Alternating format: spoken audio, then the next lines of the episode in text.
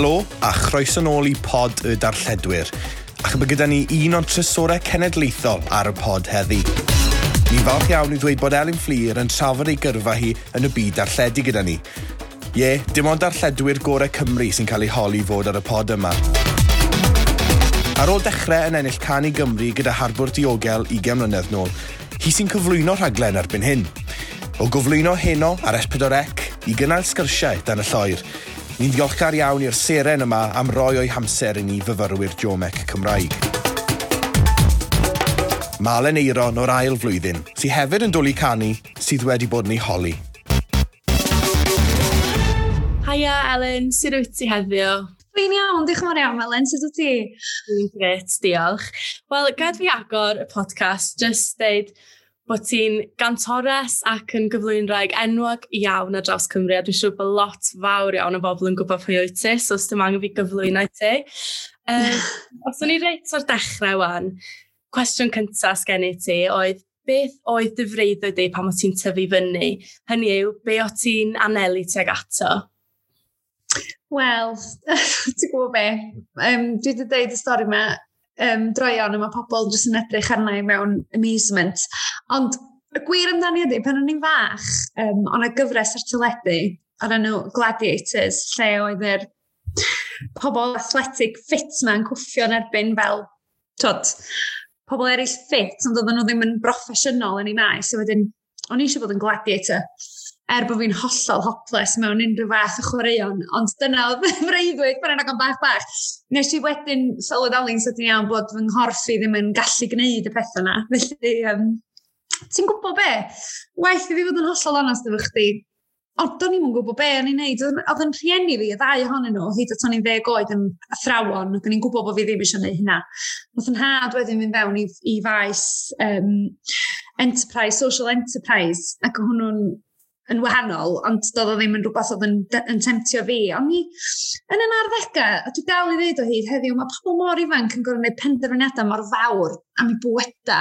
Ys i brifysgol i wneud cwrs mewn criminology, criminal justice, achos o gynnau ffrind oedd yn gwneud yn un peth, ac o gynnau'r syniad ma'n ymhen, swn i'n licio mynd i'r heddlu, ond dwi'n edrych yn ôl mewn gwirionedd, ti'n bod, swn i wedi bod yn hopeless yn yr heddlu, achos dwi'n rei sensitif i bob dim, a um, swn i jyst ddim wedi syfaifio, dwi'n meddwl, yn yr, yn yr math yna o waith. Ond a eisiau drwy gyfnodau, ddim yn gwybod be a eisiau gwneud. A dwi'n dod onest efo chdi, dwi erioed wedi cael cynllun yn y mywyd, erioed.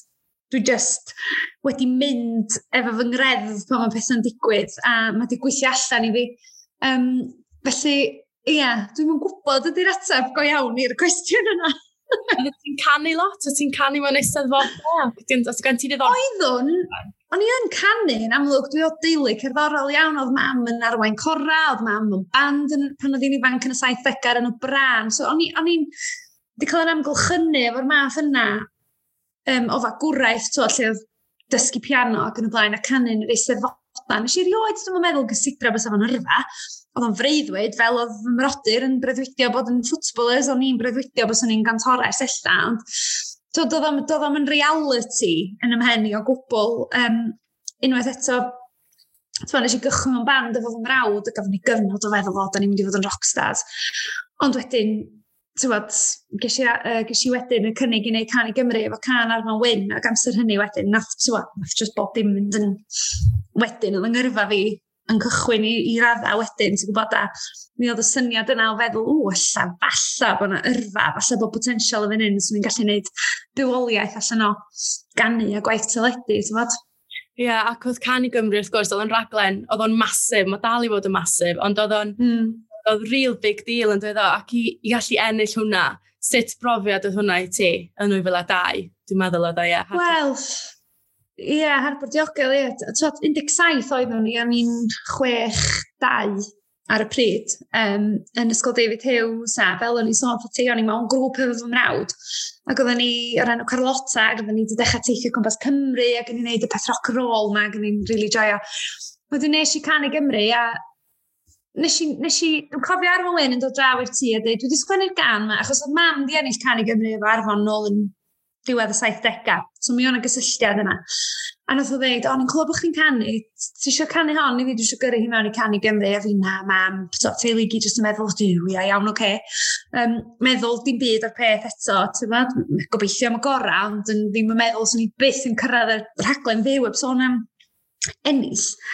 Oedd o just yn gwbl, gwbl rhyfeddol a na i byth anghofio wefr nes i deimlo amser yna, achos mi oedd o mor newydd, oedd yr holl beth mor newydd, oedd o'n Tod oedd o'n gychwyn ar rhywbeth, a dwi'n cofio dod yn ôl o'r gystadleuaeth yna, barti yn y pentre, tod oedd y postmaster allan o'r siop hyd yn oed, a hynna beth sy'n digwydd. A ddod ti allan yn weifio yn gwybod bod y tren wedi dod i fewn, a eisiau dy helo, a ni ago pawb yn y pub, a oedd y jyst yn teimlo fel bod yna rhywbeth mawr wedi digwydd yn y pentre, tod oedd y gefnogaeth y pentre, a bob dim. A Ond oedd o just yn gymaint o stepping stone um, i fy ngyrfa i mewn ffordd heb hwnna. Tod, dwi'n meddwl fyswn i'n eistedd fama fo chdi'n siarad rwan, fyswn i ddim yn gwneud beth dwi'n neud rwan, ti'n gwybod, dwi'n meddwl fyswn mywyd i wedi mynd ar drywydd hollol wahanol. A wedyn, dyna pryd nes di sylweddoli falle, ww, dwi eisiau gyrfa yn y byd canu, ydw i'n iawn yn dweud hynna, neu? Ie, wel, eto, twyd, doedd na ddim cynllun a yn sydyn ar ôl Harbwr Diogel ennill, o'n i yn cael lot fawr fawr o sylw ar y gigs, o'n y bobl eisiau chdi mynd i gannu lefydd i sgolion, i pubs, i glybiau, i neuaddau, oedd chdi'n meddwl, gos, mae yna bobl eisiau gweld yn canu go iawn be di hyn amdan, ti'n gwybod? A wedyn, mi ddatblygodd pethau, achos mi gysi gyfla wedyn, nes i wneud album efo'r Moniars, a wedyn, y flwyddyn um, ar ôl uh, ennill, nes i drio eto efo un o'n nghynnyr yn hun, achos o'n i'n neud lefel A um, cerddoriaeth, ac o'n i'n sgwennu cerddoriaeth yn hun, nes i fel diwgs i drio eto, i weld sef eithaf Bryn Fôn ac gai ennill sawl gwaith yn oedd am gweithio. Ond be ges i oedd cyfle i weithio efo Carol Parry Jones, a criw o bobl hynod y dalentog a dwi'n fytho ddiolchgar iddyn nhw am y gwaith yn nhw roi fewn i greu album yr enw Dim Gair efo fi. A mae o dal hyd heddiw, mae'n iawn i fi ddeud, achos dim fi oedd yn gyfrifol am greu hwnna, so mae o dal i swnio yn ffres yr album dim gair na, a i feddwl bod o'n ddeunaw oed, a oedd o just yn, yn unwaith eto yn un o'r profiadau yna i ddiff fyth anghofio, a just pobl yn reit ffydd yna chdi, dyna oedd y peth mwyaf. Mae'n rhaid i chdi gael hynna ar hyd y dais neu gyrhyddid yn illa, to mae'n rhaid chdi gael, oes mae'n rhaid chdi weithio'n gael, a oes mae'n rhaid chdi gael talent, mae'n rhaid chdi gael bobl yna hefyd, sy'n fodlon buddsoddi amser ag yno chdi. A mi nath Caryl, Parry Jones hynny efo fi, a to mae gennau lot o le i ddiolch i fi hi hefyd. De. A faint album ys gen ti ond? Dwi'n iawn dweud bod gen ti bedwar album? Um, Ie, yes, so ti'n beth, dwi'n siŵr iawn. Dwi'n meddwl bod gen i bimp a un goreion, dwi'n meddwl, casgliad goreion sy'n swnio'n hirs bost, achos dwi'n siŵr bod fi'n ifanc i gael album goreion, ond um, dwi'n wedi creu digon o oreion i gael uh, cyfiawnhau yr album yna, dwi'n meddwl, ond ie, yeah, yeah, mae yna sawl un, ond dwi eisiau gwneud mwy, ond ie, yeah, mae amser erbyn hyn ddim yn caniatau hynny ddigwydd, mae'r gyflym y buodd o, felly, mi ddaw. Ond o ran dy yrfa fel cantores, wan, os, os gen ti un perfformiad ti'n aros yn y co, un sy'n ti'n meddwl lot i ti? Oes, so heblaw am ennill Can y Gymru. Um, yr un sy'n meddwl gymaint i fi, mwy, mwyau i fi, dwi'n meddwl ydy edrych yn ôl ar steddfod yn Ysmôn yn 2000 a... Be oedd o dwe? 17? Dwi eisiau dweud? Dwi'n siŵr iawn. Um, a gysi hedlaen iawn o sadwn ola steddfod. Um, oedd hi wedi bod yn steddfod eitha heriol o ran tywydd a falle dechrau'r wythnos a o'na rhyw lifogydd wedi bod, ond oedd hi'n chwip o steddfod a ges i orffan yn o sadwn na, gwirio'r yn ymhen, o'n i'n meddwl, oh, gosh, fyna neb yn dod, fyna neb troi fyny'r gig, mae pob dwi'n dweud rhywun arall yn dod yn yr gigs eraill, ond o'na filodd o bobl yna. A achos bod ar home ground i fi, oedd o'n fwy special, oedd o'n heili fi gyd yna, oedd o'n ffrindiau fi gyd yna, oedd o just yn teimlo fel, fel rhyw foment yn y mywyd i um, i'w drystori. Ti'n bod, pan dwi'n teimlo chydig bach yn fel mae pawb weithiau yn cael rhyw fath o yn amau hun efo pethau neu yn, yn teimlo bach yn, oh gosh, be dwi'n neud efo'r music a falle, dwi'n mynd â fy fy hun yn ôl i hwnna, i atgoffa fi fy hun. Ti'n bod, bod twa, pan ti'n stryglo i ffendio'r awen neu pan ti'n meddwl o oh, gosh, dwi'n mynd i digon o gerddoriaeth, dwi'n mynd yn ôl i hwnna a mae'n ysgogi fi i, i fynd amdani eto. Ie, yeah, mae lot o bobl, mae un ysbrydoliaeth iddyn nhw, dwi'n mynd aros fo nhw, wedyn mae'n helpu nhw wedyn, sy'n dod e. Ond, um, time line wedyn, i dyrfa cyflwyno di. O ti beth yn meddwl bydd ti'n diwedd fyny'n cyflwyno yn enwedig, ti'n fo, ar llwythio beth ar esfod yr ec erbyn hyn? Ie, yeah, na. Eto, doedd o ddim yn y cynllun, a mi na i ddeu stori i chdi. A dwi'n cofio, o'n i mewn... Um, so, o'n, i wedi bod yn neud y canu, a mae unrhyw un sy'n canu yng Nghymru'n gwybod, mae'n mae bron yn amhosib neu bywoliaeth call allan o just bod yn gantores neu'n artist. Um, so, just yn digon arian yn troed, os yn digon o lefydd i i gynnal bywoliaeth allan o gigs, ti'n gwybod? Um, er bod yna lot yn digwydd, pa'n cymryd fi rong, ond da ni'n wlad fach a ti'n mynd rownd y circuit yn eitha sydyn. A... Felly, mi o'n i wedi dechrau meddwl am bethau bach gwahanol ac yn i wedi cael rhan mewn rhyw bantomimes oedd yn cynnal fi. Um, a wedyn, dwi'n cofio bod allan yng Nghaerdydd efo fy mrawd bach un noson ac oeddwn i wedi aros allan trwy nos um, erbyn meddwl, erbyn gweld, pan ddyn ni allan o'r clwb nos ma, oedd ni'n chwerthu i chwech y bora, oedd ni heb sylweddoli, oedd ni wedi gleo, beth bynnag. Yn y clwb nos ma, o'n i wedi gweld y cynhyrchiad teledu Griff Davis, a dwi'n cofio mynd ato fo, oedd bandit ar y teledu ar y pryd.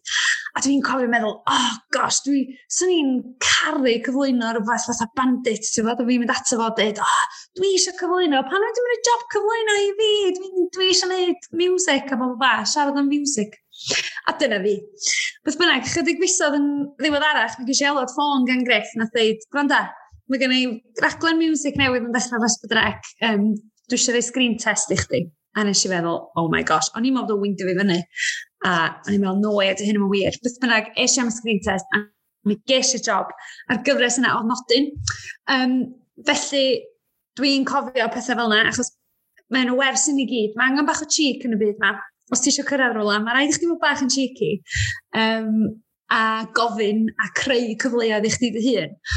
A, um, a mentro, ti'n gwybod? Achos swn i heb heb gael y sgwrs na fo greff yn y clwb na, nos yna, fyswn ni byth cael y swydd, a wedyn yn amlwg fysa bob dim arall heb ddilyn. Um, felly pan geis y screen test, o'n i'n terrified, o'n i'n hollol terrified, o'n i'n gwybod be o'n i'n neud, o'n i'n gwybod sut i neud o, ond twa, mi geis i fynysgu, yna greff dreulio lot amser, beth soddi amser yna i fel cyflwynydd ac yn y blaen, a ia, unwaith eto, tyfod, cefnogaeth pobl eraill a ysgogaeth gan bobl eraill na arwain at hynny. Fi'n siŵr bod na lot o bobl oedran fi wan sy'n meddwl dechrau yn y fyd nawr y direth wan.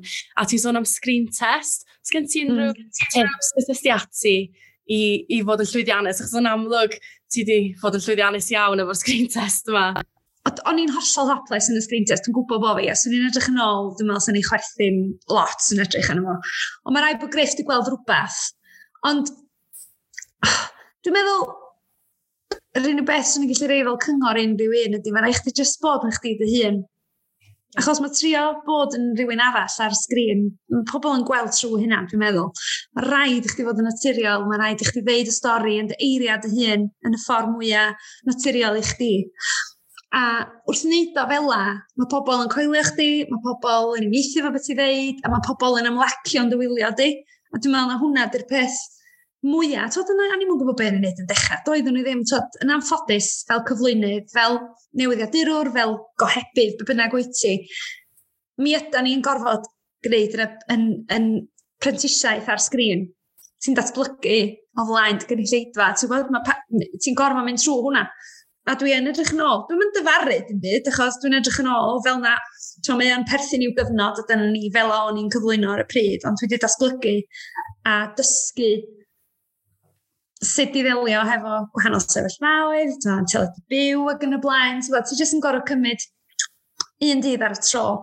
A fel, ia, yeah, y peth mwyaf i fi ydy jyst bod yn naturiol a deud y stori yn dy eiriau dy hun, yn ffordd dy hun. Um, a peidio byth bod o'n gofyn am help chwaith, de, mae hwnnw'n rhan eitha pwysig o, o'r gwaith. O, oh, diolch am hynna. Um, ond mynd nôl lan at uh, Nodyn, y rhaglen ysdi mm blwyno arno fo. Ti'n ma'n y profiad yma dysbrydoli di i barhau fo'r gyrfa um, y cyflwyno? Do, bendant, o hwnna'n gyfres na. Nid dim ond rhoi y cyfle cyntaf na i fi gyflwyno, a nid dim ond, ti'n bod, reid y brentisiaeth na i fi fel cyflwynydd. Ond gysi weld Cymru, a gysi ddod i nabod bob un artist yng Nghymru yn y cyfnod hwnnw rhwng 2009 a 2011. Ac oherwydd bod fi wedi cael gymaint o gyfle i ddod i'n abod yr holl artistiaid anhygoel yma, creu perthynas efo nhw, cael eu cyfweld nhw a gweld Cymru, a mwynhau mwy a mwy o'n i'n mynd mlaen efo'r cyfresu, o'n i'n teimlo fe hyn yn ymlacio mewn i'r swydd, ac o'n i yn erbyn diwedd, so o'n teimlo fel, o, oh, dwi'n dwi rili really mwynhau cyflwyno, ti'n dwi'n dwi, dwi licio'r her, dwi'n licio'r, dwi'n gyffyrddus o flaen y camera, dwi'n ymlacio mewn i'r swydd yn ara bach ac mi oedd o'n sicr, o'n i'n teimlo os o bod fi eisiau gwneud mwy. A mi ges i, ti'n bod, yn araf bach, cofio, yn bob dim ddim dod o'i gilydd. Mae yna flynyddoedd o, mae yna fusodd o ddim gwaith, mae yna gyfnodau hir o feddwl, gos na, dwi'n mynd i wneud job iawn, so sy'n byd arall yn dod, ond to mi ddodd pethau yn ei tro, a um, ond sicr nath nodyn just newid y mywyd i o ran trywydd yng ngyrfa fi, a, a just dangos i fi well, sgil newydd o'n i'n gallu neud yn oce, okay, fy'n diwedd. A wedyn wrth gwrs ar fy'n 2011, o ti'n cyflwyno ar un rhaglenni mwy a poblogaidd Esbydra Can i Gymru. A hwnna, naw mlynedd yn dilyn dyfyddigoliaeth di ar y rhaglen. Sut brofiad oedd hwnna? Wel, fi'n cofio Emyn Afan cyfarwyddio'r rhaglen yn ffonio fi. O'n i yn tu fy ngŵr neu fy cariad i fi oedd ar y pryd, oedd yn mynd i prodi. A dyma fo'n ffonio gofyn, um, Eli, mae sy'n licio cyflwyno can i Gymru, a nes i ddweud, o na, dwi'n diolch, chos o'n i'n gwybod bod o'n fyw, ac o'n i'n meddwl, no way, o'n i ar wneud yn byd byw o blaen. Nath fi, paid o dyna sydd bin, meddwl amdano fo, come on, wen, mae i chdi fel amdano fo, a tyd nôl ti. Ac yn i fatha, oce, okay, iawn, diolch, neu ffynach dyn nhw, mae'n rwyd, mae'n mynd o. A mae'n ffonio ffrindiau a rhieni a pawb yn dweud, wel, mae'n rhaid i chdi. Mae rai chdi wneud o, mae rai chdi wthio dy hyn, dyna dy'r dyna holl bwynt to, lle wyt ti'n gweld dy hyn yn mynd o fan hyn, wyt ti jyst yn mynd i gadw dy hyn wan yn y lle cyffyrddus braf ma, wneud pre-recordio rhaglenni. So, os ti eisiau bod yn gyflwynydd, mae rhaid i chdi herio dy hyn a symud dy hyn ymlaen. Felly, yn y diwedd, nes i benderfynu, oce, okay, na i wneud o. A, ti'n bod be, dwi, peth gorau nes i eto. Oedd o yn brofiad, oedd o yn tywod, oedd o'n brofiad o'r arfer efo peth yn dy glist, a pobl yn siarad efo chdi tra ti'n siarad ar y teledu a cael dy amseru i ddod allan ar amser i fewn i'r breaks a o, oh, ma'n bach. Ond efo'n rwan, mae Can i Gymru dwi just wrth fy modd yn cyflwyno'r gystadleuaeth. Mae'r ma gystadleuaeth bron iawn yn rhan o pwy ydw i. So, mae'n, dwi wast yn deud, dwi'n siŵr sa'ch chi'n ffendio can i Gymru yn DNA fi erbyn wan. So, achos dwi just i bod yn rhan o'r gystadleuaeth ys mor hir. Um, yn amlwg, mae'n gyflwynwyr e- y gwahanol wedi bod hefo fe ni. O'n i efo Daf Du ar y cychwyn, wedyn nath Gethin Efs dod i fewn, a wedyn mae Tristan wedi bod hefo fi. A dwi just, to, mae just mor braf. Dwi wedi dysgu lot gan y tod, gan nhw a um, wedi datblygu efo'r haglen i raddau, ond dwi'n teimlo bod ni wedi cyrraedd rhywle rwan efo'r gystadleuaeth lle mae o'n gweithio fi a Tristan yn ffrindiau mawr beth bynnag, um, a dwi'n meddwl bod ni'n gallu cael y banter a cadw'n eitha proffesiynol ar yr un pryd, gobeithio. Ie, yeah, na, dwi wedi gwylio uh, Canu Gymru blwyddyn o'n, a dych chi'n edrych o fod chi'n cael lot o hwyl ysbri, actually. Gwbyn yn o fwy, actually. Ond ie, yeah, na, dych chi'n edrych o chi'n cael llon bol o chwerthyr ac yn y flaen. O, da ni yn cael hwyl. ac um, yn 2020, ddoth y pandemig wedyn, ac um, sgwrs dan y lloer ddechrau. A mm. wrth gwrs ti oedd yn cyfweld â bobl ar hwnna. Um, a oedd o'n gyfle hollol newydd o ran darlledu, efo tyfo, cadw pellter a pob peth ac yn y blaen. Mm. Ond um, sut brofiad oedd yr rhaglen yma, yn enwedig pan fod ti'n holi pobl mewn cyfnod oedd mor anodd? Mm. Wel, braint, dwi'n galw y cyfnod twod, i fi fel cyflwynydd, mi oedd hi'n braint. Um, yn amlwg, dwi'n gweithio rhaglen heno ers deg mlynedd fel gohebydd, a mae hwnnw wedi bod yn eto, jyst i agor gymaint o ddrysau mi, mae wedi bod yn gymaint o gyfla, mae wedi bod yn... Dwi wedi cael profiad anhygoel o gyfweld pobl ar y soffa yn y glen fyw a mynd allan i'r cymunedau i gyfweld y phobl.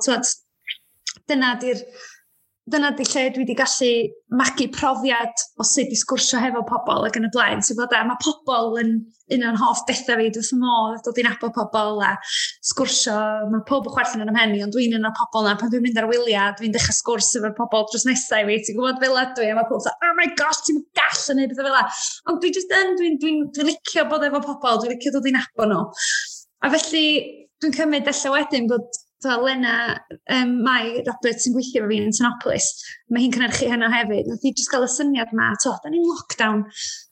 Da ni angen llenwi, a na oriau i lenwi ar Esbydrec, oedden nhw wedi colli chwaraeon i gyd, so oedd hi'n gyfnod mor heriol i'r sianel, i'r addau, i lenwi'r holl amser yna. Um, tra pawb yn trio bod yn saff, cadw uh, pellter a bob dim, ond dyma ni jyst yn cael y syniad yma, wel, mae pawb yn eistedd yn ei gerddi, mae pawb wedi dod i fwynhau sgwrsio a dod i fwynhau y pethau symlau un yma'n bywyda ni. Um, felly pam ddim tywed, chwarae ar y syniad yna? Mae wedyn Deli Wyn Jones wedyn y cynnyrchydd arall. Um, dyma ni jyst yn dod i fyny yn diwedd efo'r syniad hollol syml. Be am jyst wneud o'n sgwrs yn yr ar, simples, gadw fo'n hollol syml. tyledu araf, tyledu, mae pobl yn gallu ymlacio ni wylio, a mae'n rhoi cyfle go iawn i ni ddod i nabod pobl. Um, Ellach na ryw 3-4 munud ar soffa neu chat shows arferol, ti'n gwybod? Um, ond, ti'n gwybod, oedden ni'n mynd i erddi pobl mewn yn yr lockdown cyntaf un na, oedden ni'n gallu teithio mwy na dwy awr o adra, oherwydd y cyfyngiadau a oherwydd ffaith bod nhw ddim gwestai ar agor a oherwydd bod nhw ddim toileta, o gymaint o bethau i feddwl am, ti'n bo? Um, oedden ni'n cael mynd i fewn i dau neb i fynd i dod i ddefnyddio'r toilet neu i gael panad a dim byd fel yna'n digwydd. Ond dwi'n meddwl, oedd y gwesteion o'n i'n gael ar sgwrs yn y lloer ar y pryd, yn enwedig yn y lockdown cyntaf yna, wrth i bodd, achos doedd yn heb weld pobl ers oes, a oedd o e jyst yn gyfle i gael sgwrs, a y pobl yn fwy yn y parod i sgwrsio a rhannu hefo ni, achos beth sydd wedi bod yn ddiddorol ar hyd y daith efo dan y lloer ydy bod pobl wedi rhannu rei pethau mawr am ei bywydau, ti'n fod am ei bywyd personol nhw. Dim dyna oedd bwriad y gyfres y gwbl, ond dwi'n meddwl um, bod pobl jyst wedi ymlacio achos bod nhw adra o gwmpas y tân yn i'w lle eu hunan. Maen nhw wedi bod yn fwy parod i, i drafod pethau sy'n gallu bod yn anodd yn bywydau ni a'r cyfnod a sut oedden nhw'n delio hefo'r cyfnod, ti'n gwybod? O beth sy'n braf ydy bod ti'n gyfres i wedi datblygu tu hwnt i'r cyfnod clo, a rwan da ni'n sgwrsio dan y lloer, so da ni newydd fod i efrog newydd as Matthew Rhys, a mae gennym ni gyfres arall yma, fyddwn ni'n cychwyn ffilmio na fian.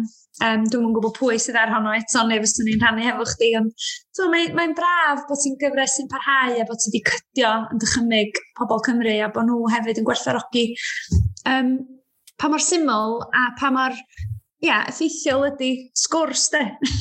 T'bo, oedd, um, o, mae nain a tain, t'bo, maen nhw'n byw ben eu hun, a oedd o'n rhywbeth maen nhw'n edrych ymlaen i watcha, ti'n gwybod? A dwi'n cael phone calls ar ôl y rhaglen, o, ti di clywed, pwy sy'n siarad? T'bo, maen nhw'n mwynhau, yn dydyn nhw. Ond oedd... Ie, wel, ti'n be, mae hynna'n neis i glwad. Dyna yr ymateb gafon ni, achos yn dechrau, mae unrhyw un sy'n creu tyledu, mynd i wybod, yn cynnyrchu'r aglenni y peth mwyaf di, ydy o ddigon gweledol, ydy o'n symud digon cyflym, ydy o'n cynnal y gynulleidfa, ond oedd hon yn reglen, oedd yn mynd yn erbyn rheola teledu yna i radda, ti'n gwybod? Oedd hon yn slofi pob reit lawr ac oedden ni'n meddwl, o, oh, di o'n mynd i weithio, be o'n pobl mynd i ddeud, ond ie, yeah, mae'r ymateb di bod yn rhyfeddol. Oedd o'n lyflu. Ac um, o ti'n deud hefyd bod bod pobl di agor allan efo pethau eitha dofn, sut o ti'n paratoi falle at sgwrs fel na?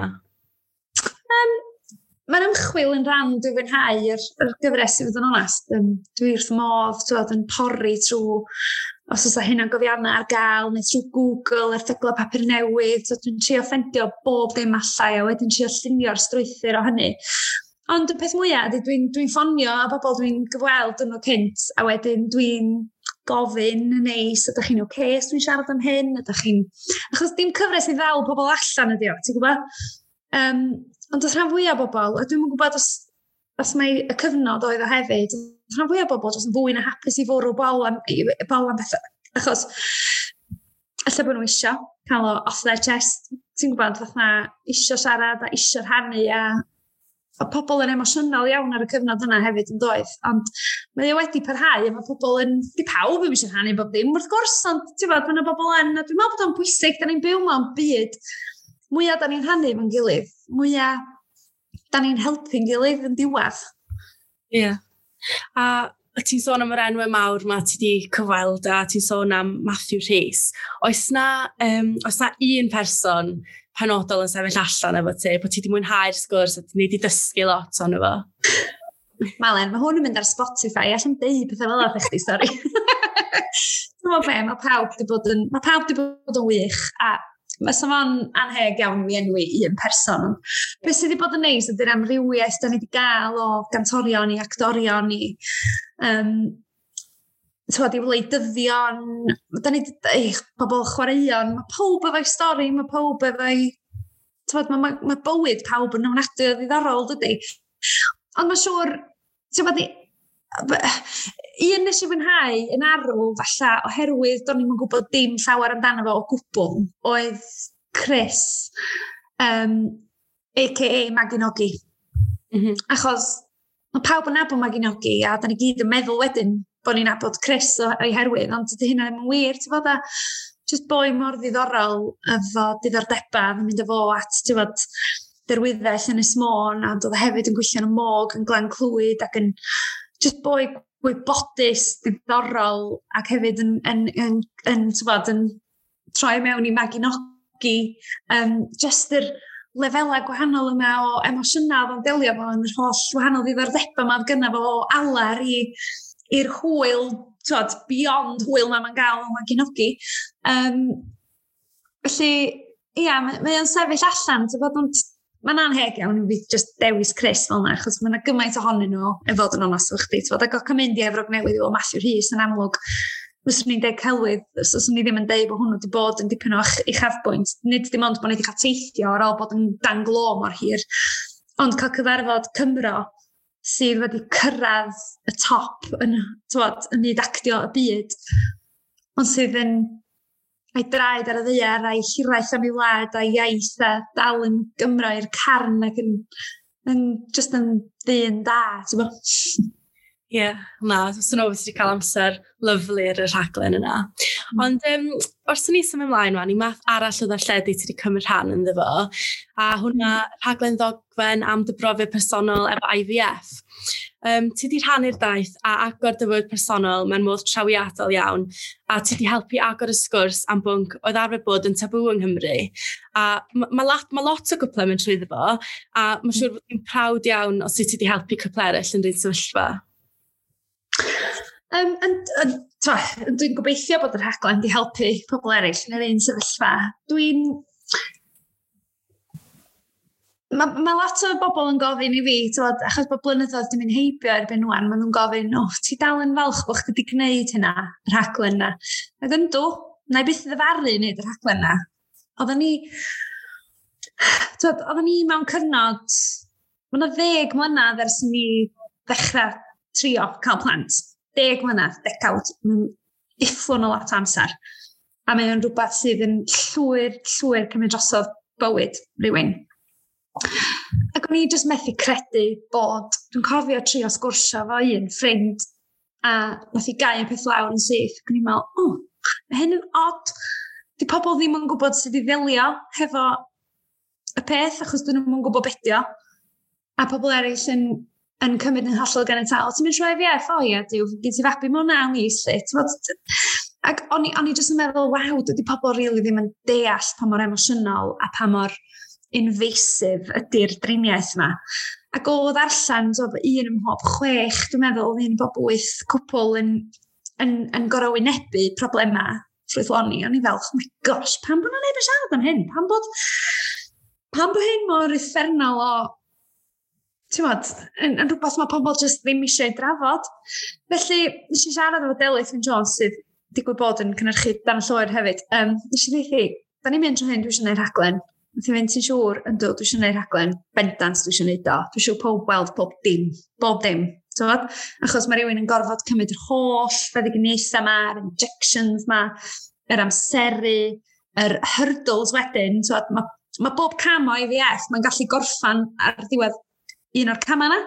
Fytha, os ti'n fail, if you fail at the first step, na fo, ti di ffeilio, mae dy bres di gyd yn mynd, mae di costio miloedd o bunna, ti'n gorfod dechrau eto, miloedd o bunna eto. Felly oedd o'n bwysig i fi deud stori ni. A ti'n sôn am ymatab a helpu pobl. Dwi'n gobeithio bod o wedi. Achos mae rhannu i fi yn, yn beth da, mae'n helpu gymaint o bobl eraill, mwyaf, dan, fel nid eisiau ddechrau gyna, mwyaf da ni'n rhannu, mwyaf da ni'n helpu'n gilydd. A mi na, na i fyth anghofio ar ymateb ges i'r rhaglen, dod oedd y negeseuon yn dod o bob man. A na i byth anghofio un neges, na ddeithau, dwi wedi bod trwy hwn, dwy waith, Um, dwi erioed wedi gallu deud wrth rhieni syth ar ôl yr aglen di heno nes i ffonio mam a dad a deud dwi wedi bod tro hwn dwy waith a dwi dal yn digwydd a dyn ni'n dechrau eto os nesaf. Ac o hwnna mor bwerus i fi achos o'n i'n teimlo, wel, dyna o'n i eisiau ddigwydd bod pobl yn gallu siarad a rhannu. A ti'n bod, i fi, dyna di pwer go iawn tyledu hefyd. Dwi'n mynd deud o gennau i blatfform i weithio arno fo, a nes i A to, di pawb mae'n mynd i gytuno bod fi wedi gwneud y rhaglen, efallai bod rei pobl yn gweld yn lot rhy bersonol ac yn rhywbeth rhy breifat i rannu, ond um, o'n i'n teimlo bod gennau i blatfform i wneud gwahaniaeth a, a diwedd y dydd mae teledu yn dwlsyn pwerus iawn pan mae rhywun yn deud i stori bersonol o'r galon fel e.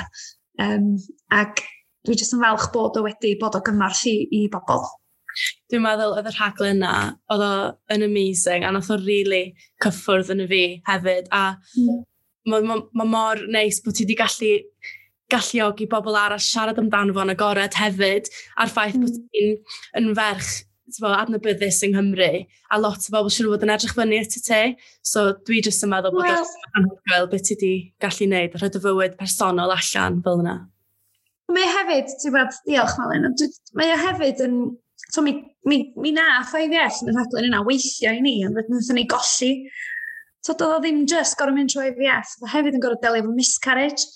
A oh, hwnna'n fwy erchill i fi na dibyd arall, achos hwnna'n digwydd i, un ym mhob pedwar beichiogrwydd. Ac o hwnna'n gwbl ryfeloch, neu byth anghofio eista yn y stafell yn ysbyty Gwynedd. Um, achos oedden ni'n gorau mynd am scans bob wsos, achos oedden nhw'n poeni am curiad calon, y, y, y babi ac yn y blaen, ac yn diwedd oedd y cyrraedd calon, di stopio. A dwi'n cofio eistedd yn y stafell, wyn ma, a jyst yn edrych ar y doctor a trio cymryd bob dim i mewn a meddwl, god, ac yna bwster ar y wal yn deud, one in four pregnancies end up in miscarriage, ac yn i fel, mae hyn yn, eto, does yna ddim yn siarad am hynna, a oedd, oedd hwnna i fi yn bwysig yn yr haglen, ti'n gwybod, so ni di oedd, nathon ni gynnwys bob dim achos oedd oedd yn bwysig bo ni. A i fel bod gymaint o bobl yn gorau mynd trwy'r pethau yma, um, dwi jyst yn falch bod fi wedi gallu rhoi chydig bach o, o lais i'r heini sy'n diodda'r pethau erchill yma sydd yn... Dwi'n dwi, dwi deud drwy'r amser, dydy poen dydy poen hwnna i gyd ddim yn diflannu o mywyd i. Dim ond be fydd yn penderfyniad ni os da ni am drio eto neu beidio to, parhau na'n taith ni, ond dwi e wastad yn deud wrth pobl, os gael lon tu a blant fory, wnaeth o'n tynnu i ffwr o'r poen sydd wedi bod, ti'n gwybod, achos mae o'n rhywbeth ofnadwy yn drwyddo fo. Um, mae o'n ma ar ymsgwydda fi drwy'r amser os ti'n gwybod bod y feddwl, ti'n gario fo, ond ti'n dilio fo fo, a dyna di'r fel unrhyw beth mae'n bywyd. Mae eisiau bod poen, dim ond be, mae bob dim yn relatif, to, mae yna bobl yn mynd, lot, mynd trwy lot, lot gwaith na be dwi wedi bod drwy fo yn ei bywydau. A mae poen yn relatif, a dwi wedi dwi wedi penderfynu hefyd, bod mae'n bwysig wynebu dy boen a peidio bod ofn rhannu hwnna chwaith, achos mae hwnna'n bwysig, allan ni'n just botlo bob dim i mewn a, Felly, ia, oedd hi'n raglen, oedd hi'n raglen bwysig i fi ar sawl lefel. O, diolch, diolch am hynna. Um, a os ydyn ni sy'n ymlaen at gwaith elusennol, um, mm. rhaglen oedd mlaen uh, cwpl nos, nos, nosweithiau ôl oedd cyngerdd yes. um, oedd o'n gyngerdd anhygoel ac emosiynol iawn, rhaid fi ddeud. A nes i fwynhau pob un perfformiad, ond yn enwedig dy perfformiad di o Harbwr Diogel, nes di roed ystyr teimlad o iawn i'r gan a oedd o'n plethu efo'r hyn oedd yn digwydd yn Ukraine ar hyn o bryd. A o'n i jyst mm. eisiau gofyn i ti sut brofed oedd perfformio ar y llwyfan yn ogystal a cyfweld â pobl o Ukraine i hun a fod teulu draw na neu teulu oedd wedi ffoi o'na? Mm, Wel, oedd hi'n noson emosiynol ofnadwy. Um, a fod yn onast efo chdi, efo'n diwedd yr haglen, sy'n ni ddechrau canu, um, mae yna gwmni ar y daith i fewn i Anthem Ukraine, o'n i'n stryglo i gadw control ar fy nagra, achos yn amlwg o'n i, o'n i o gennau lot o waith canolbwyntio ar y gwaith cyflwyno a'r cyfweld a'r canu, felly o rywun yn mynd fel na trwyddo fo, ond erbyn y diwedd o'ch di wir yn teimlo emosiwn y peth, ti'n gwybod, a oedd e just, e, e oedd hi'n oedd hi'n fraint bod yn rhan o'r cyngerdd a gallu arwain cyngerdd, achos oedd Yuri Wtio cynna, o'n fariton o Ukraine a i deulu fo, i rieni fo yn cif ar hyn o bryd yn canol y gwrthdaro yma. So, allwn ni, allwn ni ddim dychmygu y boen maen nhw'n mynd drwy fel teuluoedd ar hyn o bryd um, yn gwybod bod yr so yr hyfal yma a'r stepan drws i'w rieni, i'w rieni fo, oedd o just yn, oedd e just yn hitio adra gwrando na fo'n siarad, ti'n gwybod? Ond beth sy'n rhyfeddol, sy'n sôn am harbwr diogel, so, yn ei ddeud ar y noson, oedd Erfan Wyn sgwennu honno'n ymateb i 9-11, Mhm. A so, 20 mlynedd na ddiweddarach, mae yna rhywbeth erchill arall yn digwydd um, yn yn byd ni, a ti'n meddwl, da ni'n dysgu dim na dan, achos o geiriau a gan harbwr diogel nes yn y blaen, a hwnna neu fi'n emosiynol, achos oedd hi mor berthnasol i beth yn digwydd, a ti'n meddwl, gosh, 20 mlynedd ddiwedd arach, da ni'n ni dysgu dim byd fel byd a fel pobl.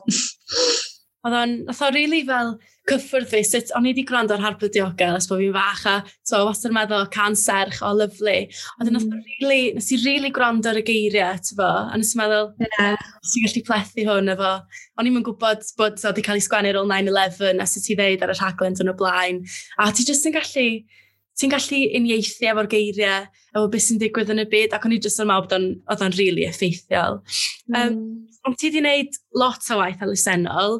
Um, nes i gymryd rhan yn cynnyrchiad dwylo dros y môr yn ystod Covid.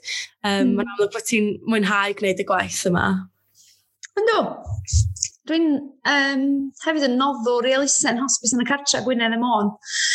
Um, o ran dwylo dros y môr, dwi'n hwnna'n gyfle gwych, oedden nhw'n creu rhaglen dyledu, nodi'r pen blwydd a ges i fynd ag arwain y rhaglen a ailgreu y gan a hwnna'n lot o hwyl. Setodd hwnna'n tod yng nghyfnod Covid a hwnna'n heriol tu hwnt i gael yr artistau neu gyd i'r studio a cadw pawb yn saff ac yn y blaen. O mi lwyddo ni, ond um, ia, oedd hwnna'n wych gallu codi arian um, yn fanno ar y pryd. Ond ia, yeah, mae hospice yn y cartre Gwynedd y Môn hefyd, um, so maen nhw'n gwasanaethu yn, yn lleol i mi. Dwi'n byw yma ar yr ynys a dwi'n neud lot o waith uh, fi a Tudur Owen, um, digwy bod y ddau ohono ni'n trio gwneud rhwngsa ni, mae o'n neud i stand-up a falle, a dwi'n anodd osweithio canu iddyn nhw, a um, na jyst yn bwysig, ti'n eto dwi'n sôn am y platform yma, um, oherwydd bod fi'n yn canu ac yn gwneud gwaith tyledu, um, ti'n gallu, dwi'n ma bwysig roi yn ôl hefyd, dim just cymryd drwy'r amser, mae'n eich dyrru rhywbeth yn ôl hefyd yn bydd a um, dyna lle mae gwaith yr hosbis i fi yn, yn, yn bwysig achos bod nhw yn gwasanaethu'n yn ardal i pobl sy'n byw yn lleol i mi a er bod nhw'n pethau bach iawn dwi'n gwneud dwi'n dwi, dwi neud hanner digon a dweud y gwir ond um, mae bob dim yn helpu am ni. Ie. Yeah. A, dwi da ni wedi bod yn siarad am diffyn wan, so, so ni ddod i... Sorry, dwi'n licio siarad gormod. A dwi wrth y modd, dwi'n dysgu lot. Ond um, beth ti'n licio wneud yn damser hamddenol, pan ti ddim yn gweithio, pan ti ddim yn canu, pan ti ddim yn cyflwyno? Oh. Wel, hawdd, just bod efo fy nghi bach, moi. Mae gen i coc pŵ, ond mae'n edrych unio fel coco spaniel. Does o'n llawer o pwdl o gwbl. Mae'n o'n fatha, mae o'n coc pŵ eitha unigryw, ond mae o'n gorgeous, a ie, yeah, dwi jyst di mopio fo fo. So bob amser spars gynnu ni, da ni'n just licio mynd i gerad y ci. A, mm. um, ond dwi hefyd, so dwi'n licio bod adra, os dwi'n onest efo chdi, achos dwi ffwr lot, da, o'r dim ffwr yn bell, ond so, mae'n nyddio fi, dwi allan yn ffilmio bob dydd i'r aglen heno. Um, mae pen wythnosau wedyn yn gigs ac yn y blaen. So pan dwi'n cael amser, dwi wrth modd bod adra yn y tŷ yma. Um, efo'r ci, efo Jason y gŵr, ond paid o deitha fo, neu fydd o'n... paid o deitha fo bod fi'n licio fod efo fo gofod. Na, ond mae just yn neis cael amser adra, so dod â chill, a dwi'n licio mynd i'r traeth, mae'n mynd i'r traeth yn bwysig i fi. Wrth y môr, um, teimlo to, awel y môr, lly. A, ia, yeah, just, dwi'n fel dwi'n mynd yn hun, dwi'n just eisiau pethau symlach yn fy mwy, yn fy amser star, dwi'n just, mae pethau fel just cael mynd am dro i'r ceia neu'r traeth, just yn, yn bwysig, a bod efo teulu a ffrindiau'n amlwg. A diolch yn fawr i ti am gytuno wneud y podcast fy fi heddiw. A dwi wedi cael lot o bleser yn wneud o fo ti a dwi'n mwynhau.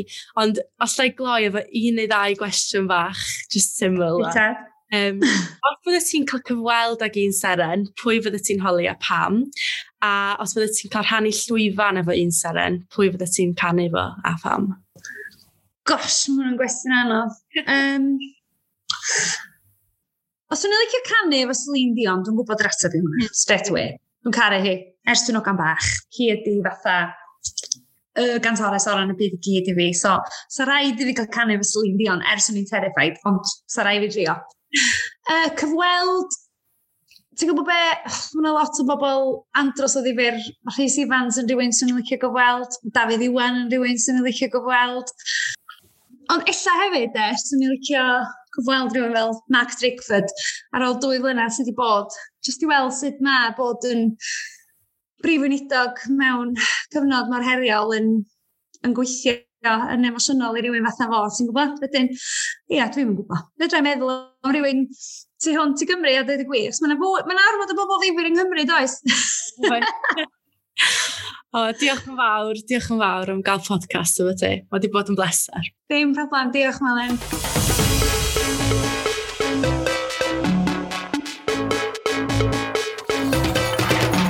A dyna ni, Elin Fflir yn siarad am Malen Eiron. Diolch o galon i ti, Elin, am damser. Mae penodau Hugh Stevens a Dot Davies yn barod i chi wrando. A chofiwch dan ysgrifio os ych chi eisiau clywed pryd yn union fydd y pod nesaf mas. Os ych chi eisiau clywed hanes unrhyw ddarlledwr penodol, mae croeso i chi gysylltu â ni ar at Jome Cymraeg ar Twitter ac Instagram. Byswn ni'n dwlu clywed wrthoch chi. Ond am nawr, diolch am rando a hwyl fawr i chi.